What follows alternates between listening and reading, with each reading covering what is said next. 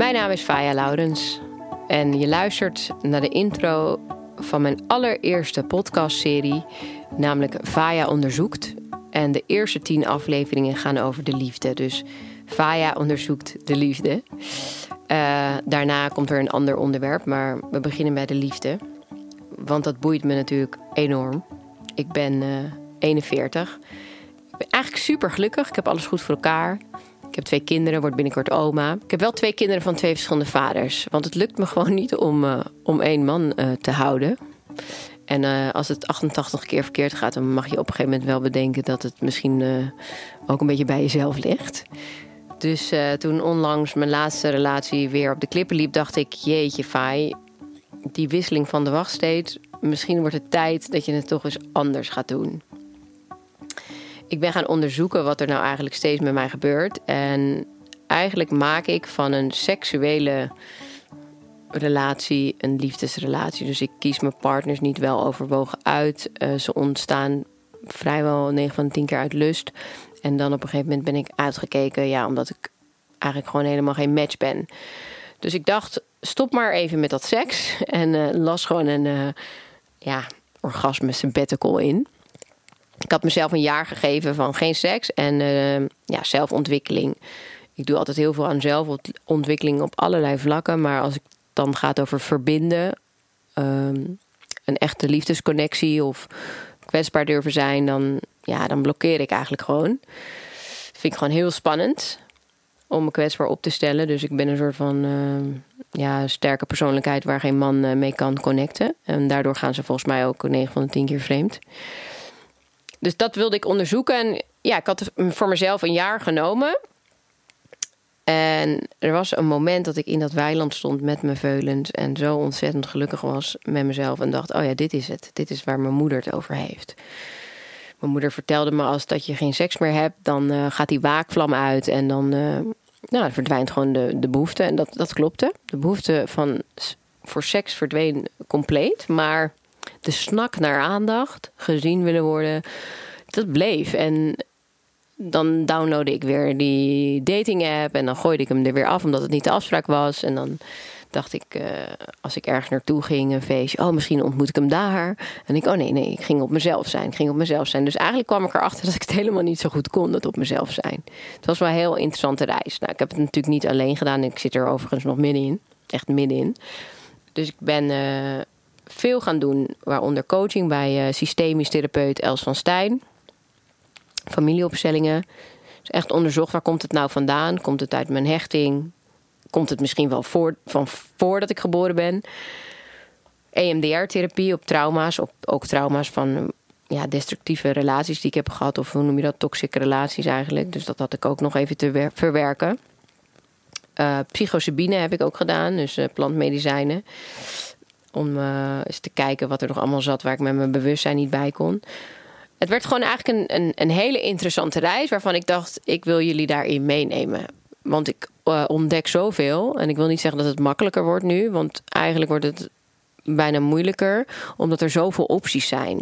Het kan zoveel betekenis hebben. En ik dacht, ik maak een, een serie waarin ik in gesprek ga met uh, professionals op dit gebied. Ja, dan neem ik jullie eigenlijk ook mee in mijn verhaal. En de allereerste aflevering is met een relatiewetenschapper. En zij zoekt echt vanuit de wetenschap. Ik ben zelf meer een gevoelsmens. Ik ben nooit zoveel bezig met de wetenschap. Ik voel voornamelijk. Maar toch heb ik uh, uit dat gesprek wel hele bijzondere dingen gehaald. Had ik niet verwacht.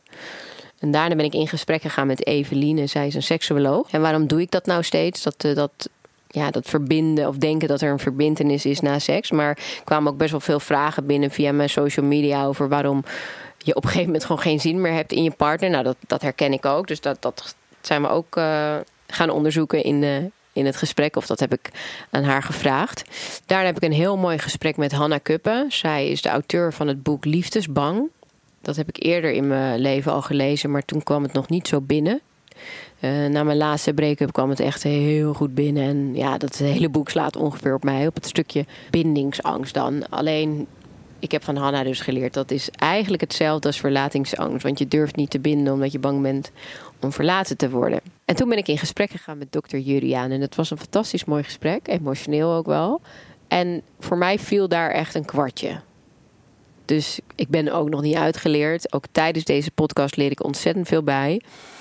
Ik ga nog niet zoveel verklappen, want het is natuurlijk leuk om te horen in de podcast.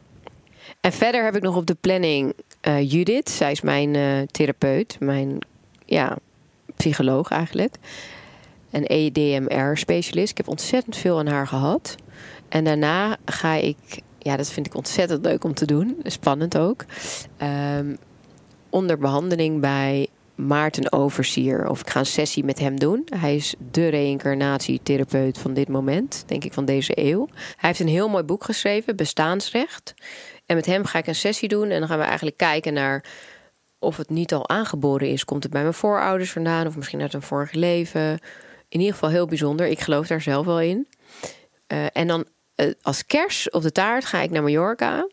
Uh, naar Michael en Cindy, Michael Pilarczyk. Ik weet niet of ik zijn naam goed uitspreek. Ik ben echt verschrikkelijk daarin. Zij zijn onlangs getrouwd, hebben volgens mij een leeftijds, leeftijdsverschil van 20 jaar, werken ook nog intens nauw samen in hun bedrijf. En in mijn ogen zijn hun echt het droomkoppel. Maar ja, hoe ziet dat er dan in het echt uit? Hè? Dus uh, ja, hebben die dan wel ruzie of niet ruzie? Of ja, ik denk altijd dat als je een droomkoppel bent, dat je dat niet hebt. Maar volgens mij hoort dat er gewoon bij. Dus ik ga hun interviewen over hun, uh, hun huwelijk. En daar sluit ik uh, deze reeks van het onderzoek naar de liefde mee af. Ik hoop dat jullie er wat aan hebben. Ik heb in ieder geval ontzettend veel plezier met het maken van deze podcast. Ondanks dat ik het erg ingewikkeld vind. Het onderwerp en het ook ja, steeds moeilijker wordt omdat er steeds meer informatie bij komt. Maar ik heb het vertrouwen dat het me wel ooit gaat lukken.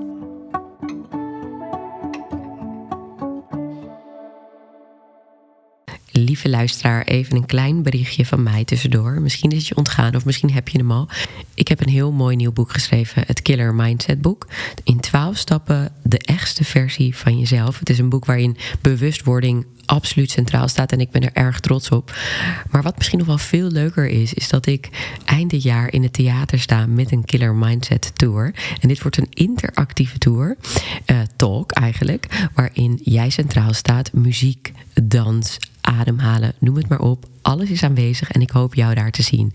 Je kunt de ticket links hier onder de podcast vinden. Mijn naam is Faya Laurens en je luistert naar de intro van mijn allereerste podcastserie, namelijk Faya onderzoekt. En de eerste tien afleveringen gaan over de liefde. Dus Faya onderzoekt de liefde. Uh, daarna komt er een ander onderwerp, maar we beginnen bij de liefde. Want dat boeit me natuurlijk enorm. Ik ben uh, 41. Ik ben eigenlijk super gelukkig. Ik heb alles goed voor elkaar. Ik heb twee kinderen, word binnenkort oma. Ik heb wel twee kinderen van twee verschillende vaders. Want het lukt me gewoon niet om, uh, om één man uh, te houden. En als het 88 keer verkeerd gaat, dan mag je op een gegeven moment wel bedenken dat het misschien ook een beetje bij jezelf ligt. Dus toen onlangs mijn laatste relatie weer op de klippen liep, dacht ik: Jeetje, Fai, die wisseling van de wachtsteed. Misschien wordt het tijd dat je het toch eens anders gaat doen ik ben gaan onderzoeken wat er nou eigenlijk steeds met mij gebeurt. En eigenlijk maak ik van een seksuele relatie een liefdesrelatie. Dus ik kies mijn partners niet wel overwogen uit. Uh, ze ontstaan vrijwel 9 van de 10 keer uit lust. En dan op een gegeven moment ben ik uitgekeken, ja, omdat ik eigenlijk gewoon helemaal geen match ben. Dus ik dacht, stop maar even met dat seks. En uh, las gewoon een uh, ja, orgasme sabbatical in. Ik had mezelf een jaar gegeven van geen seks en uh, ja, zelfontwikkeling. Ik doe altijd heel veel aan zelfontwikkeling op allerlei vlakken. Maar als het dan gaat over verbinden, um, een echte liefdesconnectie of kwetsbaar durven zijn, dan, ja, dan blokkeer ik eigenlijk gewoon. Dat vind ik gewoon heel spannend om me kwetsbaar op te stellen. Dus ik ben een soort van uh, ja, sterke persoonlijkheid waar geen man uh, mee kan connecten. En daardoor gaan ze volgens mij ook 9 van de 10 keer vreemd. Dus dat wilde ik onderzoeken. En ja, ik had voor mezelf een jaar genomen.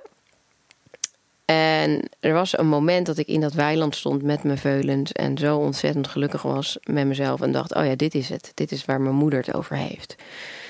Mijn moeder vertelde me als dat je geen seks meer hebt, dan uh, gaat die waakvlam uit. En dan, uh, nou, verdwijnt gewoon de, de behoefte. En dat, dat klopte. De behoefte van, voor seks verdween compleet. Maar de snak naar aandacht, gezien willen worden, dat bleef. En dan downloadde ik weer die dating app en dan gooide ik hem er weer af omdat het niet de afspraak was. En dan dacht ik, uh, als ik ergens naartoe ging, een feestje, oh, misschien ontmoet ik hem daar. En ik, oh nee, nee, ik ging op mezelf zijn. Ik ging op mezelf zijn. Dus eigenlijk kwam ik erachter dat ik het helemaal niet zo goed kon, dat op mezelf zijn.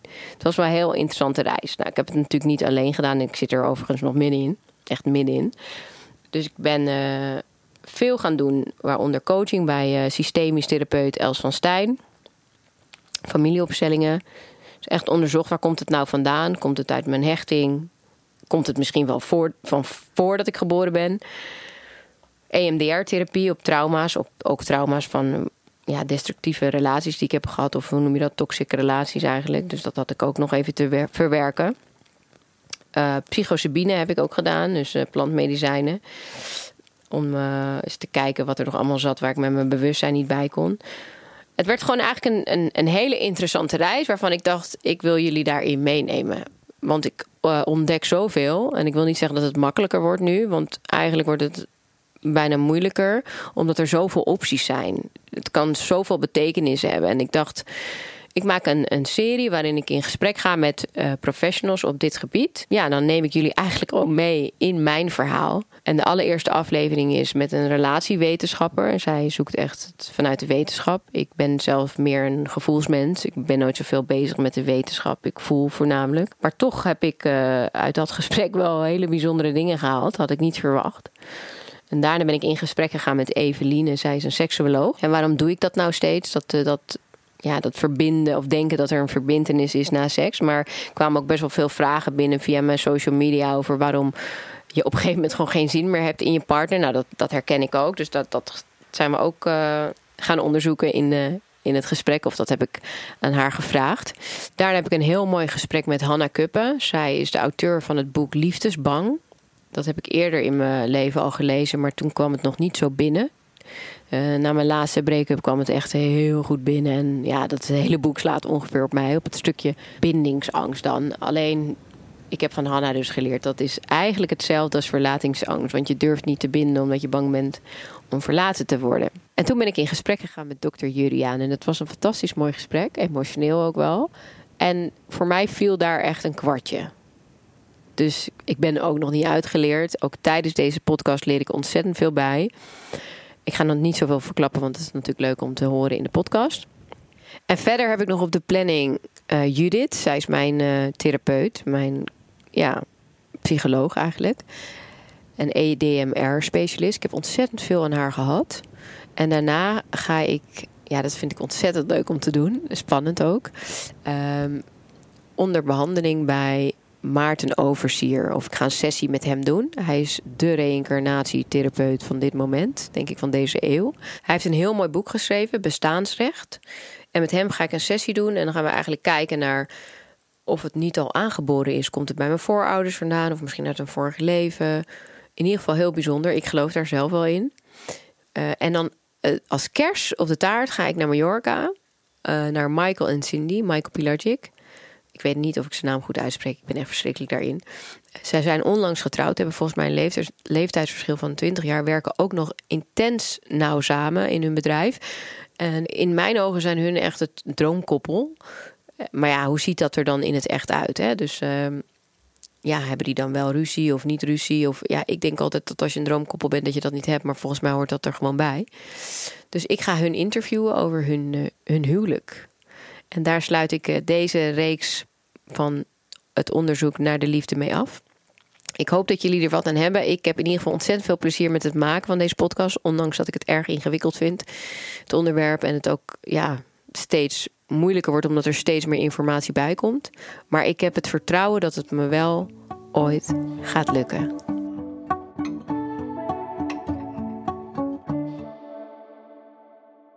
Lieve luisteraar, even een klein berichtje van mij tussendoor. Misschien is het je ontgaan of misschien heb je hem al. Ik heb een heel mooi nieuw boek geschreven, het Killer Mindset boek. In twaalf stappen de echtste versie van jezelf. Het is een boek waarin bewustwording absoluut centraal staat en ik ben er erg trots op. Maar wat misschien nog wel veel leuker is, is dat ik eind dit jaar in het theater sta met een Killer Mindset Tour. En dit wordt een interactieve tour, uh, talk eigenlijk, waarin jij centraal staat, muziek, dans, ademhalen, noem het maar op. Alles is aanwezig en ik hoop jou daar te zien. Je kunt de ticketlinks hier onder de podcast vinden.